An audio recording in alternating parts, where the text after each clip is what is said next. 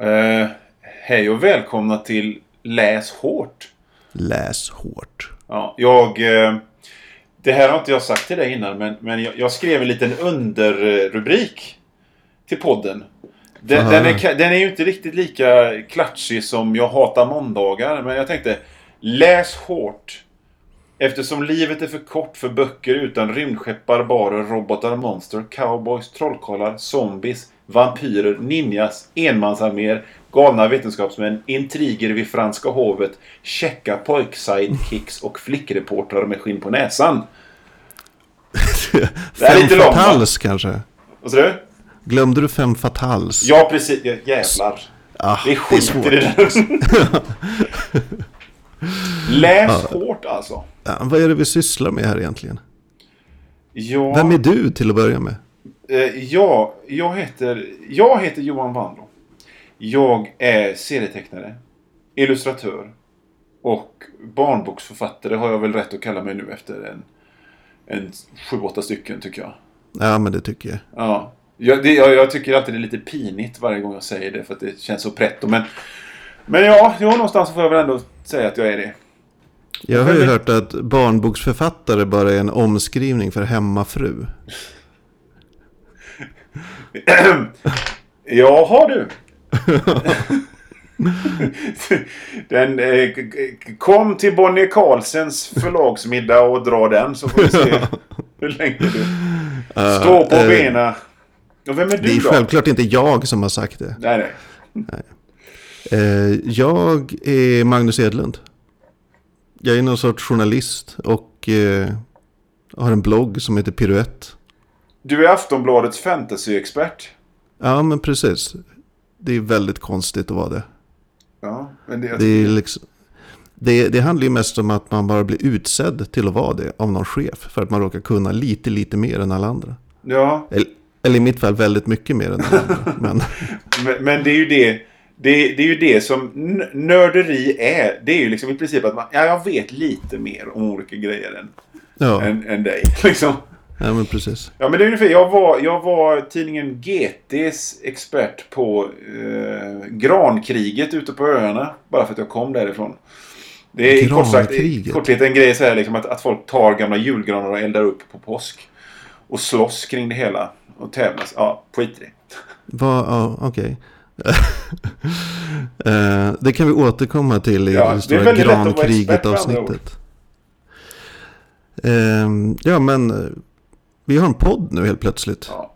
Men grejen är väl så här att vi... Jag är ett stort fan av, av skräplitteratur. Mm. Kan man säga. Jag har haft mina största litterära upplevelser med det här med skräplitteratur. Och jag, det, alltså, jag, det, jag, jag vill inte säga att vi ska prata om sånt som är inom citationstecken vare sig kult eller så dåligt så det är bra. Utan det är liksom lite böcker som kanske inte är bra bra men som har lite saft och kraft och, och Mm. härligt mustigt bra på något sätt.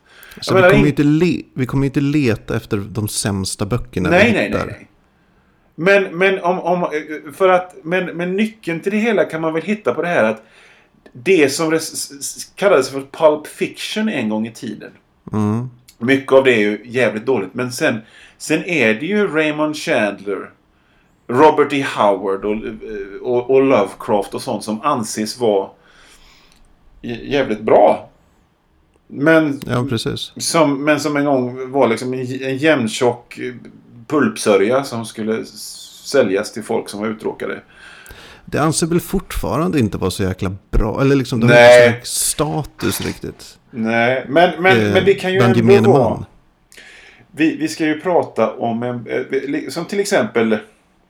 Eh, vi ska ju prata om en bok senare här sen i genren Urban Fantasy. Mm. Och det finns ju en författare i Urban Fantasy-genren som heter Jim Butcher. Just det. Som är askass. Han är värdelös och figurerna är jättetöntiga. Och de säger töntiga grejer och, och det är väldigt larvigt och grunt skrivet allting. Men det är skitspännande. Och man, eh, åtminstone jag tycker böckerna är otroligt kul medan man läser dem och sen försvinner de som en som, som en, liksom en pys ur en mineralvattenkork sen. Ja, men det är ju någon sorts popcornlitteratur nästan. Ja. Jag har läst några stycken av honom. Eh, och det, ja, de är underhållande men jag kan inte berätta vad de handlar Nej, om. För det inte. minsta. Och, då, och, och, och det, det är ofta sådär en skämskuddevarning på hur, hur fåniga karaktärerna i dem är. Mm. Ja. Men han har så här roliga idéer tycker jag ändå. Det är lite så här, ja. ja, det puttrar på. Så det är det som jag, jag, jag tycker att Läs hårt ska handla om. Upplevelser. På något sätt. I, Upplevelselitteratur. upplevelser i litteraturen. Nej, men, ja. En resa till en en, annan värld. med i litteraturen är man aldrig ensam. Öppna fönster som annat vore stängda. Sådana saker. Ja, precis. Jag tänkte också, det finns också ett, ett berömt citat av DNs eh, litteraturkritiker Jonas Tente. Nu har jag inte go- googlat det här citatet. Men det var så här. Eh, det var någonting i stil med att människor som mest intresserar sig för handlingen i bok, de är inte riktigt, de är inte riktigt människor, de är som insekter. Och då tänker jag att nej, men vi är de, vi är de som tycker, bryr oss om handlingen i boken. Välkomna till Insektspodden. Ja, ja, läs hårt. För oss som är lite sämre än de andra. För oss som är... Det är faktiskt en rätt bra eh, slogan. För Ja. oss som är lite sämre än andra. Ja, vi kör på det. Eh, har du läst något bra på sistone tiden då? Ja, det är alltså bra och bra. Det, jag läste något intressant i alla fall. Mhm. Eh, jag läste eh, Neil Stevensons eh, senaste mastodontroman Seven Eves. Som är, vad kan man säga? Eh, en sorts hard sci-fi historia som är extremt ambitiös och bitvis väldigt tråkig. Mm. Men som ändå är... Ibland läser man böcker och så får man känslan av att okej, nu vill författaren visa hur mycket han vet och kan. Och. Ja.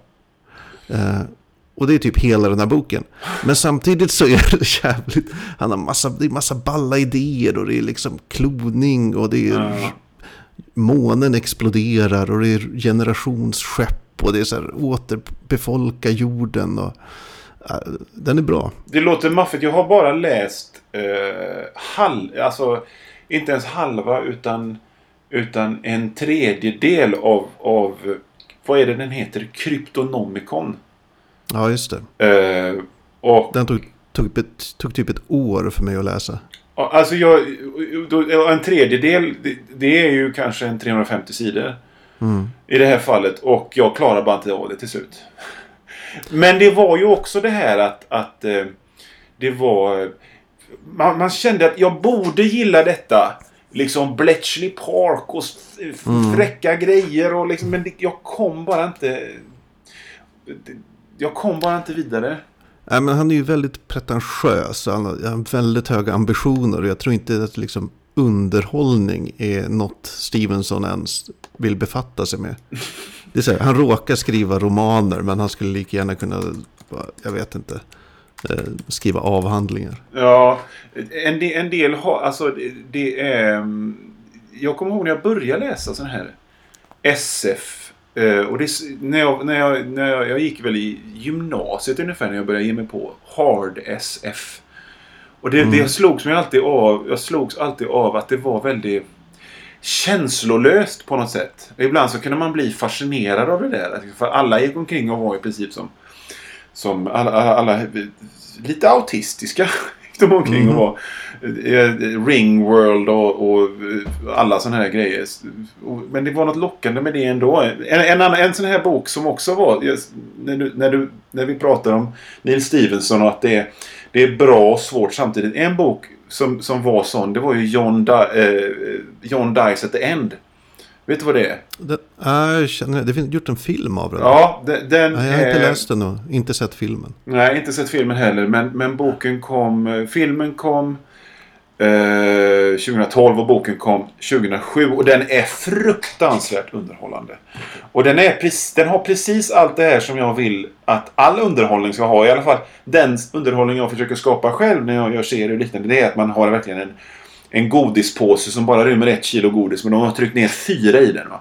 Men samtidigt så, så tog den så fruktansvärt lång tid att läsa för att det bara var för mycket. Eh, Ja, det tyckte finns jag. ju verkligen sån. Det är för mycket information per sida för att man ska Ja. orka. Ja, och, och, och, och just... Man får liksom nästan ta en, en liten promenad för att, mellan, mellan varven för att kunna liksom smälta allting sådär. Gå ut och kasta sig i snödrivorna för att kyla ner hjärnan. Va, Ja. Du då? Har du läst något vettigt på sistone? Jag har läst väldigt mycket böcker i genren noir. Mhm. Och det är ju en sorts deckare där, där det bara går åt helvete för alla. Eh, och det är kul. Alla är korrupta. Alla är korrupta. Ulterior motives och... De, de vill bara liksom all, det, det är alltid så här att det handlar om någon man som är fullständigt korrupt och som skiter i allt. Mm. Och så träffar han en, en kvinna som är jättevacker och fullständigt moraliskt korrupt och som också skiter i allt. Och så, och så ska de mörda den kvinnans man på något äckligt sätt. För att han är också äcklig och hemsk och fet och gammal. Och så gör de det och så kommer de inte undan med det och så, och så slutar det med att båda dör för att de slår ihjäl varandra. Och det finns hur mycket sånt som helst. Och det finns i alla fall... Det finns... Eh, jag älskar den genren. Jag kan läsa hur mycket som helst. Eh, men eh, det finns en eh, författare som heter Lawrence Block. Känner du till honom? Nej, Nej. Eh, han är en ganska erkänd deckarförfattare. Han har hållit på väldigt länge. Hans, hans mest kända figur är en eh, privatdeckare som heter Matthew Scudder. Och eh, han har skrivit... Vilket jävla namn. Ja, precis. Men han har skrivit böcker om den här personen sen, sen, sen 70-talet. Och det blev en film som hette 8 million ways to die. Kommer inte ihåg vad den hette på svenska. Eh, Säkert något lökigt. Ja, det, det, vad, vad kunde den heta? Att det en, en farsa till... En, en rackare till deckare eller någonting. Eh, så sent som, så sent som eh, 2013 så kom det en film med Liam Neeson som hette A Walk Among the Tombstones. Också baserad på eh, den här Lawrence, Block, Bus, Lawrence Blocks böcker. Men han skrev, innan han, han slog igenom som inom citationstecken riktig författare så skrev han Skrev han sån här noir och pulp och ren porr. Och det har, alltså, ja ja, fast, fast alltså porr på 60-talet är inte porr som vi känner till det nu utan det, det, det var mer att liksom det, det, an, att det antyddes att det hände grejer. Eh, och, Någon gick förbi ett rum där de, någon kanske hade sex. ja, det är väl lite sådär. Och, och framförallt så läste jag en bok som heter eh, eller att jag tar upp den här boken det är för att den är nyligt ut, nyligen återutgiven. Den heter Borderline. Eh, som handlar om eh, ett gäng människor som träffas i en, i en eh, i, någonstans mellan Mexiko och, och Texas. I en, liksom, i en, en liten stad där. Och alla är korrupta. Och alla som har alla som tycker om att ha sex, de dör. Inte bara, inte bara kvinnor som det brukar vara i de här historierna, utan män Allihop. också. Alla dör. Och, och Hundar, liksom... katter, Ja, flamingos. nej men... äh, Det, det, alltså jag har... Jag, vet, jag kommer inte exakt när boken är ifrån, men den är någonstans ifrån mitt, alltså mitten av 50-talet eller den är från tidigt 60-tal. Och jag blev chockerad när jag läste den här. För det var, det var, det var så fruktansvärt ilsket allting. Och Matt, Lawrence Block verkar så jävla arg när han skrev den. För att det är verkligen, ingen har några redeeming qualities överhuvudtaget. Och det slutar bara i total elände. Men det är jävligt saftigt skrivet elände. Så jag tyckte det var väldigt underhållande att läsa den. Hur slutar den här boken? Ja, det är Eller slut. jag antar... Ska Oj, jag- nu kommer en katt här. Oj. Inte gå på tangentbordet. Oj, nu Oj. Nu tar vi, tar vi jag tyck- lugna. jag tycker vi ska ha kvar det. För jag tyckte det Ja. gav liksom lite lokal charm åt det hela. Ja, det är en... Så, okej, nu löser vi kattsituationen. Så, nu är allt lugnt igen. Nej men hur det slutar? Jo, jo men det slutar med att eh, alla utom en dör. Och han, eh, han som inte dör, han, han bara tycker allting är vidrigt och går och sätter sig på en bar. Mys. Jag tycker det... Man blir... Alltså... Och den här boken, förstår man, den gavs ut i början som pornografi. För att det, var, det är väldigt mycket att de går på strippklubb och, och att, att, de, att de eh, gör det. Fast det är liksom, det inte explicit utskrivet att de gör det, utan man förstår att de gör det. Hela tiden. Och när de inte dör och blir uppsprättade. Och, och det, tanken var väl att, att det då skulle vara kittlande på alla plan för läsaren. liksom för den, för den gemene amerikanske mannen som, som gick till sitt jobb i sin grå flanellkostym. Så köpte den här boken med någon, med någon madam på omslaget i bh och så jävlar, nu är det saftigt härligt. Och jag tycker det, kan, det, det, finns en, det finns en energi i de här böckerna som jag ty tycker är väldigt härliga. Så att, eh, och jag har ju läst... Det låter nice. Läst eh, en annan bok av, av, av Lawrence Blocks senare produktioner. Den är ju inte alls... Den är ju liksom lite lätt och humoristisk och lite... Lite... Mm, såhär breezy och fin. Men det här, det är, det är hårda grejer. Borderline av Lawrence Block. Borderline. Det var väl rätt vanligt för att författare, i alla fall i början av sin karriär, försörjde sig med typ eh, så här, pulp och pornografi och liksom ja. väldigt mycket trä, trä, vad heter det, skräp. Innan de gick vidare och blev... Ja, eh, nej men det var väl så... Slutade skriva under pseudonym och började... När man läser intervjuer med sådana här författare från den tiden så är de ju ofta, de, de är ju väldigt jag antar att det är eh, liksom... De kommer från en generation där det, där det var meningen att man... Jag menar de skrev om tuffingar och då skulle de vara tuffingar själv så det var bara... Äh, mm. äh, jag sket ur de här böckerna. Jag brydde mig inte. Men det var en vanlig, vanlig karriärgrej. Att man, man, man, man började... Man lärde sig skriva genom att skriva porr eller westerns eller något sånt där. Och så gick man vidare och så, så slog man igenom med sin med sin eh, normala, normala The bok. Great American Novel. Ja, men, men grejen är ju så här att det, det är ju väldigt sällan eh, folk har tjänat pengar på att skriva böcker. Så det, ju, det finns ju en del författare som, som, som samtidigt som de har skrivit sina normala, eh, riktiga, väl av kritikerna väl mottagna böcker har skrivit westerns och och trash också samtidigt. Liksom så, okej, okay, nu, nu har jag skrivit den här, nu har jag kommit ut med den här boken som tog ett halvår att skriva. Nu måste jag skriva några böcker på, på en månad här. Känner brödfödan. Ja. Mm. Men då ska vi gå vidare till the main event. The main event. Och... Läs hårts eh, huvudnummer. Ja, precis. Och den här boken hade du valt. För vi tänker, ja. vi tänker göra så att, att vi läser en gemensam bok. Och eh, varannan gång bestämmer du och varannan jag. Och den här gången hade du bestämt. Precis. Och... Eh, och ska jag berätta, berätta lite om varför jag valde det kanske? Ja. Jag om vi börjar där. var nyfiken på det. Um, jag har ju läst jättemycket fantasy i mina dagar. Mm. Uh, extremt mycket. Men jag har mm. nästan inte läst någon urban fantasy överhuvudtaget. Eh, så var jag inne på um, Scribd, som en väldigt bra läsa böcker-app som du tipsade om. Mm. Eh, och så hittade jag kategorin Ladies Hunting Demons. Okej. Okay. så tänkte jag, det här låter som en bra kategori. Undrar ja, vad som ja, ja. finns för böcker här.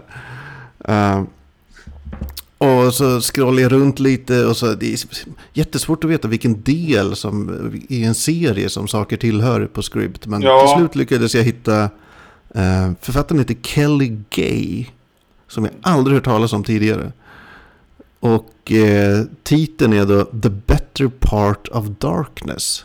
Mm, eh, det, var det det? The Better Dark? Ja. ja, ja, ja The Better Part of Darkness. Ja, jag satt här och tittade på, tittade på uppföljaren här. The Better Part of Darkness, just det. Uh, och... Jag skulle vilja börja med att säga att det är en sån jävla dålig titel. Ja. Alltså, det är ju bara random ord i... Som inte betyder någonting. Ja. Jag brukar kalla, när jag går och tittar på science fiction-bokhandeln så, så brukar jag komma till avdelningen som jag kallar läderbyxrövsfantasy. Ja. Och det är... det är verkligen det här. Ja. För, för det, det, finns liksom en, det finns en hel radda med böcker där det är en läderbyxröv och så något svärd. Precis, kanske, kanske ett spjut, Ja. kanske en hagelbrakare. Ja, precis. eh, Och det är all... kanske så här händer med klor. Eller något. Exakt. Någon sån. Ja. Men det är oftast en, en, liksom en, en röv i fokus. Väldigt mycket röv. Ja. Och... Eh, eh, Ibland ser man inte ens huvudet. Utan det Nej. är liksom kapat vid näsan eller någonting. Ja, men här ser man, här, ser, det här är inte, vi, vi- är lite orättvisa nu för, för A Better Part of Darkness hade, hade en tuff tjej eh, med en pistol på omslaget. Men jag menar, man, jag, man ser ingen röv. nej. Den enda bok jag har läst i den här genren tidigare, det var, vad fan är det hon heter nu igen? Jag borde förberett mig, men det var någon, det är någon lång serie. Ja, skit i det. Den här boken, The, The Better Part of Dark, den här Kelly, det var hennes första bok va? Ja, som jag förstår det. Ja, och det finns hur många som helst om man tittar på något nu i den här serien. Så den måste vara populär va? Alltså är den populär eller säljer den bara tillräckligt bra för att de ska få fortsätta göra det här? Ja. Jag vet inte. Nej. Men det, det, är- den har ju inte floppat. Nej. Men samtidigt känner man ju att... Alltså det, ju- den ges ju inte ut på de stor, största förlagen om man säger så. Nej. Men alltså, det, det, det måste jag säga. Det, jag har getts ut på så mycket konstiga förlag i mina dagar. Så det, det behöver inte betyda så jävla mycket. Och i slutändan så är det liksom de stora förlagen som äger det hela ändå. Ja. Eh, ja, men du. vad handlar den här boken om? Kan du sammanfatta för våra lyssnare som troligen inte har läst den överhuvudtaget? Det, var- det, det var ju... eh, Hur, hur kände du när du började läsa den här? Eh, jag, jag kände som eh, liksom man simmade uppströms lite. Ja, Alltså det var, det var ganska jobbigt och ibland kom det nå, något farande mot en väldigt snabbt. Som Ja. man sa, "Åh, här, vad var det där? Och varf, jaha, nu finns det demoner. Ja, för- vad är det här för? För att det är ju, det är ju ett... Jätte, alltså, ja, jag, jag, jag slog mig att det, det här är ju lite grann som konceptet He-Man and the Masters of the Universe. Det vill säga, det är så jävla mycket som händer samtidigt.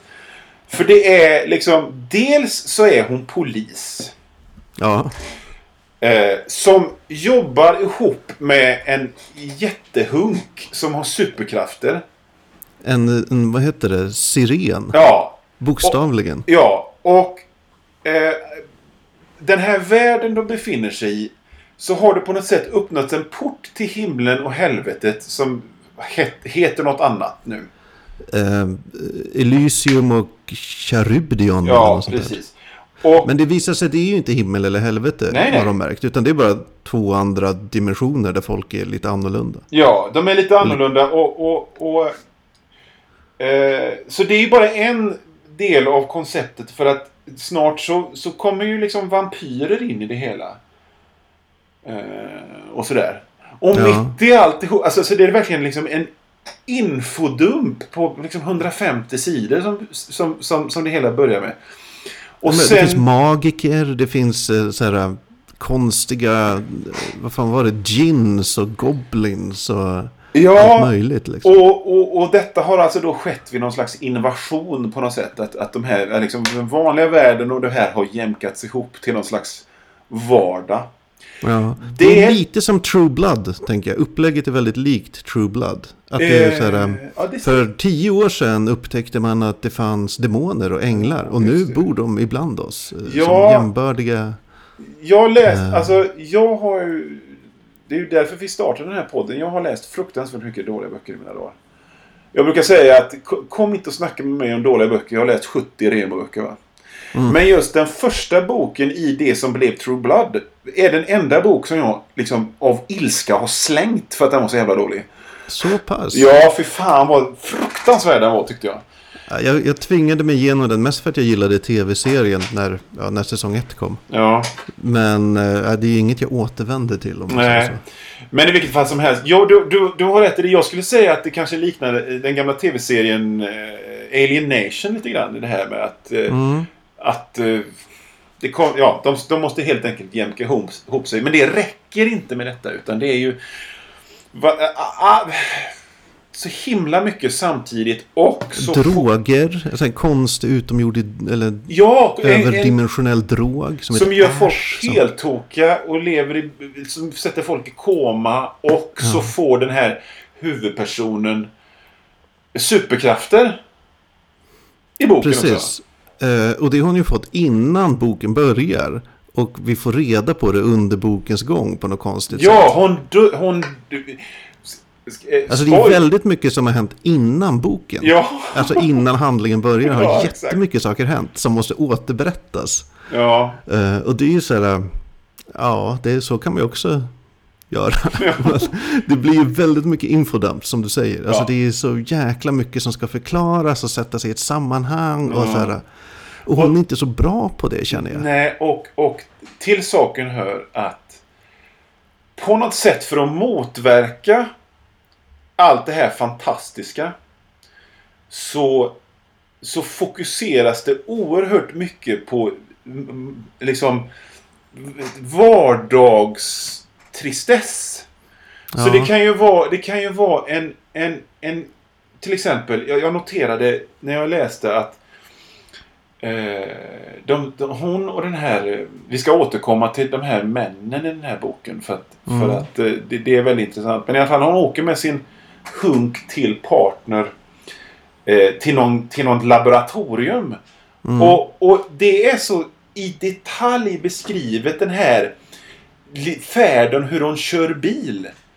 Och, och växlar och kör bil och liksom äter frukost. Men det I här, fem sidor och vad folk är klädda.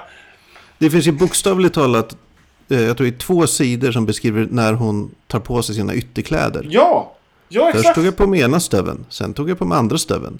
Sen tänkte jag, mm, ja, jag tar läderjackan idag. Ja. Och så höll det på så liksom i två sidor. Ja, Eh, Men det här, alltså, jag har en teori. ja, Det här är ett ganska tydligt tecken på en, en någon som inte är så bra på att skriva. mm, Alltså, jag tycker jag känner igen det från eh, ja, men, dels andra författare som jag inte har gillat, men även från så här, vet, kompisar som har gett den ett, kan du läsa mitt eh, bokmanus? ja, Och det är man, väldigt fokus på hur folk står, hur folk rör sig. Ja. Så här, de böjde sig framåt vid midjan och sträckte fram höger hand för att plocka upp eh, eh, myntet mellan tummen och pekfingret. exakt. Eh, musklerna spände under tröjan samtidigt och Ja. håret föll ner en lock framför ögat. Alltså det, blir, det är en sån otroligt fokus på hur saker ser ut. Ja. Och hon, Eh, hon är ju så hela tiden här. Beskriver folks ögon. Och Ja. alla har ju så speciella ögonfärger. Det är ingen som bara har blå ögon. Utan alla har nej, så de här, har azure. Am- ja, men så här, ametist och bärnsten i en konstig blandning. Vi, vi måste komma in på det, men när vi pratar om det här. Eh, äv- alltså, alla, alla, alla, alla, alla män i den här boken Mhm. är hunkar. Och jag ser framför mig hur de ser, alltså att hur boken är eh, hunkar ifrån yttre rymden och de ser lite grann ut som Fabio allihop i mitt sinne. Och de är muskulösa. Och så, och, så, och så har de så har de sidenkostymer som är öppna ner till liksom ner till ner till, till, ner till midjan och de har ute på magen och de har långt hår och så har de de här ögonen som skimrar. Det är å andra sidan väldigt fantasilöst. Ja, alltså det, det tycker jag går igenom i hela den här boken. Att det, det är ju klyschor staplade på varandra. Och liksom även om de beskriver folk så är det ju, ja, men det finns, det finns monster och så finns det snygga män. Ja. Och så finns det typ huvudpersonens dotter och syster som man inte riktigt får någon uppfattning om hur de ser ut. Förutom att de kanske är snygga. Nej, och, och det är verkligen liksom, de var snygga. Det, det skrivs på det sättet. Ja. Och, det, och det är också, nu vet inte jag när den här, den här boken är ju inte så gammal, den är från 2007 någonting va? Ja, Men det är, tror det är ändå liksom, det är, det är intressant att se vad, vad, vad som anses vara coolt. Jag, jag noterade i boken här, I placed both hands on the cool leather jacket that covered his shoulder. Det, det, det är lite grann lite grann som John Mårtensson-deckarna. De, här- de här mat med liksom proppiga borgerliga. För det, det är också så här, liksom, hon såg ut som Julia Roberts. Och så är det, det är beskrivningen och så är det bra med det sen. Men huvudpersonen har ju också ett väldigt så här, typiskt urban fantasy-namn. Charlie Madrigan. Madigan, något sånt där. Som ingen riktig människa någonsin kan heta. Nej. Eh, men eh, hon är ju såklart supersnygg. Skitsnygg är hon. Alltså det snyggaste Och- av alla kanske i hela Men boken. sådär effortless också. Ja, ja, absolut. För hon är ju en working eh, girl. Ja. Eller inte working girl, utan hon bara jobbar. Det är väl prostituerad. Nej, hon bara jobbar som polis. Och typ Arkiv X-aktig Ja, enhet sådär. ja. Och eh, en sak som slogs mig, slog mig, det var ju att ehm, samtidigt som det beskrivs något så in helvete, fan vad det beskrivs. Allt, allt, och, jag, och jag tänker mig, det kanske även var en liten, en liten tanke så här, ah, här är allting fantastiskt. Men så är det vardags, vard, vardagligt. Helt, Ja. Också för att göra den här eh, fantastiken lite mer grundad på något sätt. Men, men det slår mig också att när det väl är actionscener så går det, det, går, det, går, det går över jättefort. De är hon inte bra på att beskriva alls. Det är till exempel vid ett tillfälle då hon blir attackerad av tre demoner och det, det, det, tar, det tar slut på... Det beskrivs verkligen som att hon, hon blir besinningslöst arg och slår ihjäl dem alla tre. Ja, men precis. Hon får ju, det är ju till och med att hon får blackouts. När det Mm. händer. Hon får en blackout när det händer. Så det, det, det beskrivs inte alls överhuvudtaget. Nej. Eh, Utan bara i efterhand så här. Oj, vad vild du blev. Eh, jag, jag, jag jag noterar också att, att eh, det var väldigt... Och det här är en sak som irriterar mig väldigt mycket med allt, all, alla böcker och alla serier som det, som det, här, eh, som det här förekommer i. Och det är när till exempel någon blir slängd, får en smäll och åker in i väggen så beskrivs det som i en film. Liksom. Mm. Du åker i en båge, dansar i väggen, studsar ner och så ramlar lite grejer ner. Och det slår mig att det är väldigt filmiskt.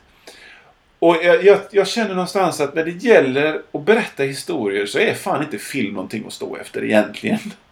Nej, det, Alltså- film är bra på att vara film. Det är, film är inte så bra på att vara men text. Film, är ändå... Alltså jag, jag, jag tycker ärligt att en, en, en, en bok är värd tusen filmer i, i ren upplevelse på något sätt. Ja, ja, det är jag helt med på. Ja, så jag tycker inte det är någonting att sträva efter. Men samtidigt, den film som eh, Kelly Gay verkade eftersträva, det var inte någon episk stor filmfilm, utan det var en pilotavsnitt till en tv-serie från 90-talet. Ja, faktiskt. Någonstans. Liksom för att, för att jag, jag kommer att tänka på... Det finns en serie som heter Witchblade. Som är en sån här typisk eh, image-serie från 90-talet om en halvnaken brud i en levande metallbikini. Och den blev en, den blev en tv-serie på 90-talet. Och, och det var en... Åh, vad det var en strong woman protagonist som körde motorcykel. Men det är liksom det är en typisk... Det är n- nördkillars syn på vad en stark kvinna är. Liksom någon som... Ja, ja, nej men någon som är som en kille. liksom så har motor, kör motorcykel och har läderjacka. Och eh, jag kommer Och kan på slåss. Ja, och så jag kommer att tänka på den flera gånger. Att, att, att det, är, precis- det är liksom inte, inte ens dit når den fram. Utan det blir precis som en sån här illa ljusat pilotavsnitt på en tv-serie. Alltså jag tror ju kanske hon siktar på alltså, att vara någon ny sorts här Buffy eller liknande. Ja, Eller liksom att, att vara, göra en sån karaktär som är så här djup och... Det är därför hon har, en, hon, den här huvudpersonen har precis genomgått en skilsmässa gissar jag. För att det Ja, ska ja. bli någon så här eh, liksom känslomässig friktion i, i, i boken. ja. Men eh, det funkar ju sådär tycker jag. Jag, jag bara, Däremot är det ju väldigt, alltså det bästa i hela boken. Det är att hennes ex, vi kommer ju spoila som fan. Ja, det, det här är kanske väl skulle vi sagt policy. från början, men hej. Vi, vi, vi, vi har, så jävla noga har vi inte planerat.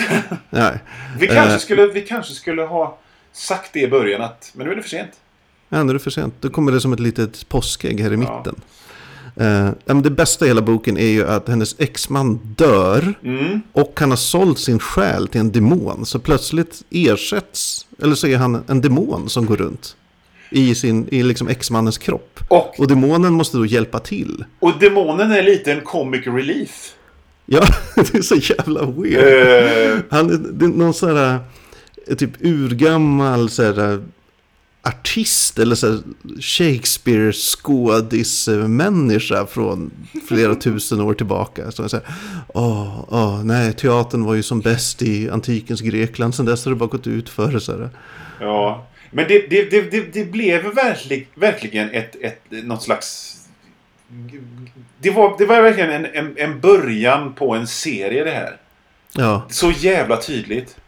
Ha, vad, vad- jag, jag måste bara, jag, jag, jag, jag underströk vissa grejer här. Eh, jag måste bara läsa. ja, gör det. Eh, vad fan var det? Elysian body inside of a Charbedion owned property meant trouble. Och det, det är så fruktansvärt mycket sånt här. För att Elysian är då himlen. Himlen. Och Charbidon är helvetet. Och allting har görat ihop sig på jorden då liksom. Och, Precis. och då blir det såna här meningar. Och du vet, det hon ville säga är typ nu är det en gäng, ett gäng, en gängmedlem från ett gäng råkar vara inne i ett hus som tillhör ett annat Ja. gäng. Typ. Ja. Men eh, var vi underhållna av den här boken då? I början tyckte jag det var, då tänkte jag jag kommer nog inte orka läsa klart det här. Ja. Men sen i, har ju den här typen av böcker den finessen att när, ju mer man lär sig om världen, Ja, desto enklare blir det att läsa. ja, precis. Alltså desto snabbare, man kommer in i det helt enkelt. För jag, jag Alltså- kände sådär, precis som du, att eh, nej men herregud, det här kommer jag aldrig... Men, men, men det tog ungefär en 125 sidor innan jag började läsa sådär, åh vad händer nu? Mm. Eh, och det var precis det som jag sa om Jim Butcher, att, liksom att, att det var... Ja, men det, jag ville se vad som hände sen. Sen gick det Precis. tillbaka och blev jättesloggigt skitlångt igen. Och så kom det små glimtar av, av spänning och så vidare. Den, den hade den här touchen av lite konspirationsmys när man blir lite nyfiken på men åh vad är det som händer? Vad är det som pågår egentligen? Det där Mm. liksom lite cliffhangera, lostiga. Men det försvann men kom tillbaka. Men på det stora hela måste jag säga att jag, jag var inte... Alltså det, det där, vi har ju raljerat en hel del över den här boken men jag hade lite kul över det. Jag blev inte förbannad över det där utan jag bara tyckte det liksom... Ja, jag, verkligen. Jag tror liksom att för min del var det att en... Dels, alltså ja, den är dåligt skriven. Mm. Så, men det, man vänjer sig vid hur folk skriver Ja. efter ett tag. När man har läst tillräckligt långt. Så då är man bara, kommer man in i rytmen. Så. Ja. Och då blev det ganska roligt ändå. Ja. Och man kan säga, jag kunde små, alltså den blev ju aldrig riktigt spännande tycker jag. Men Nej. som sagt, man ville veta vad som hände nästa. Åh, vad, hur ska det gå för hennes sidekick som fick sin superkraft förstörd av den här ärkedemonen och så vidare. ja. Och Visst. liksom så här, oh, oj, nu visar det sig att det är en komplott att de vill eh, sänka jorden i mörker, de här demonerna Ja. och så vidare. Och, och lika när man ville veta vad, vad, vad händer nu när liksom dottern blev kidnappad. Vad, liksom, Mm. sådär, va? Och, så att, och det, då är det ju inte helt dåligt. Nej, det, jag tycker absolut inte den var, Nej. inte dålig dålig. Den var Nej. inte bra bra heller. Nej, men den utan, var underhållande och lite fascinerande. Ja, verkligen fascinerande. Li, lite grann som, som en Jess Franco-film Ja. på något sätt. Jag gillar också, förutom då eh, X-mans-demonen, så gillar jag väldigt mycket att eh, den slutar ju typ med att hon misslyckas stoppa det hon ska stoppa. Ja. Alltså typ att världen sänks i mörker. Mm. Men att det bara är typ Atlanta som sänks i mörker. ja, ja. Och att Men- det typ ska sprida sig sen. Det är så här upplagt för fortsättning. Ja, men det är ju det, det, är ju det här pilot, pilottänkandet. Att Ja. liksom det här, här, här är... Här är uppgiften som de ska lösa vecka efter vecka. Precis, och det finns, ja, i slutet får man reda på, ja men den storondingen, det var inte den riktiga storondingen, Nej. utan det måste finnas ytterligare en storonding. Men vem kan det vara? Ingen vet, läs nästa bok. Ja, och, ja, och, och sen, jag menar, det, vi behöver ju nästan inte säga det, men, men, men, men, men replikerna var, var ofta, alltså, det, det var liksom inga, det var inga, det var inga direkt originella metaforer figurerna kom med och sånt. Eh, i, i, eh, Nej, verkligen inte. Det var, de säger det de säger. Ja. Jag ska döda dig. Du är dum. Hjälp. Jag måste bara säga, redan, redan, på sidan 13 så gav jag till ett liksom, en liten litet fniss för att eh, jag, jag kan inte låta bli att tycka det är härligt med en bok där någon, där en, där någon beskrivs ha en rich baritone. jag, liksom, jag skulle så hemskt gärna vilja... Om jag, om jag, någonsin, om jag någonsin skriver in mig på ett hotell sådär under, under pseudonym ska jag ha det som namn. Rich Ja. baritone. Fantastiskt. Ja. Men eh, alltså, boken är ju skriven i jag-form. Ja. Och eh, det hanteras ju inte jättebra. För det dyker ju upp hela tiden sådana här saker som att uh, Rich Baritone. Mm. Eh, hon refererar till saker som det. Plötsligt refer- refererar hon till något som så här. Ja, det lät som gammal hebreiska. Och så jaha, okej, dels eh, kan hon det och så kan hon det och så här. Hon kan namnge typ alla blommor hon ser. Alltså det är som författaren skriver i jag-form. Men samtidigt inte kan låta bli att vara den här allseende författaren som berättar Jag allt måste om hur säga att jag har alltid problem med jag-form. Ja, Jag gillar inte det. det. Det ska mycket till innan jag verkligen gillar jag-form. ja, det är ett svårt, svårt grepp alltså. Ja. Det Eh, blir lätt slirigt och konstigt. Ja, och, det, och det, just, just det där. Det är liksom någon slags mot, mot omvänd Dan Brown. För att hans figur är ju liksom en allvetande jättekunnig professor. Men som hela tiden måste säga så här. Jaha, har de en partikelgenerator på CERN? för att liksom plotten ska kunna gå framåt överhuvudtaget. Ja. Men eh, jag, alltså, jag, jag blev underhållen och fascinerad av denna bok. Så man kanske kan stanna där. Eller vad säger Ja, det, det tycker jag. Ja, underhåll, absolut underhåll. Bitvis underhållen, ständigt fascinerad. du? Mycket bra. Jag kommer nog inte läsa del två. Nej, inte jag heller. Verkligen inte. Jag är glad om jag slipper. hit men inte längre. Jag bryr mig inte om hur det går för Atlanta. Nej. Eh, Okej. Så nu vet ni det, kära lyssnare.